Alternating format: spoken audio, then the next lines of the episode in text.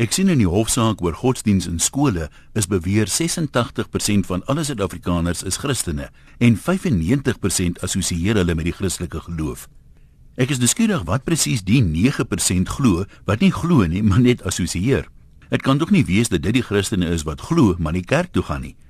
As die enkelinge op die kerkbanke 86% van die bevolking uitmaak, kan Suid-Afrika sekerlik nie meer as 'n miljoen inwoners hê nie en is net 14% van die bevolking dus nie Christene nie, dan was daar iewers 'n reuse Christelike herlewing wat almal misgekyk het. As hierdie syfers reg is, kan dit 'n hele paar dinge beteken. Soos 1. Mense wat sê Suid-Afrika moet terugdraai na God toe, praat onsin. Hoekom? Wys my 'n land met 'n groter persentasie Christene. As ons terugdraai, beteken dit dan sal minder Christene wees. 2.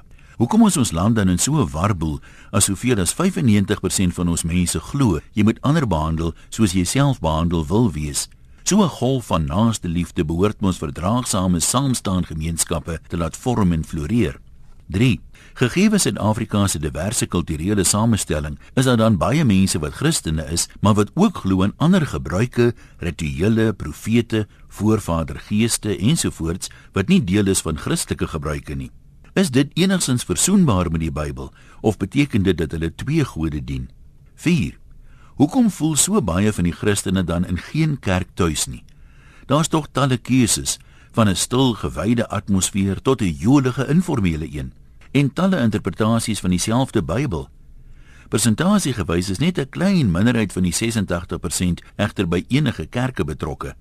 Althans so lyk dit.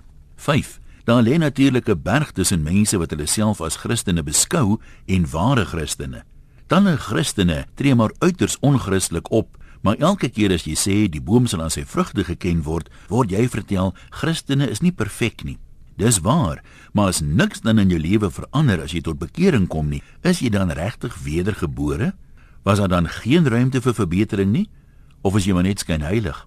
6. Ek vermoed baie mense sê nie openbaar hulle beskou hulle self as Christene, bloot omdat hulle te bang is om te sê hulle is nie Christene nie. Om een of ander rede is Christene mos baie verdraagsaam teenoor iemand wat lou is in die geloof, maar hulle verwerp maklik iemand wat koud is. Tog het Jesus self gesê dis beter om koud te wees as om halfhartig te glo. En 7. Ek wonder hoeveel van die 86% gaan dit maak tot in die hemel. As jy om jou rond kyk, lyk dit of die hofrol by die regterstoel daarbo taamlik vol moet wees. Maar terug by die hofsaak oor godsdiens in skole. As jy mens kyk hoe min ouers by kerke betrokke is, wonder ek hoekom hulle so graag wil hê hulle kinders moet godsdiensonderrig op skool kry.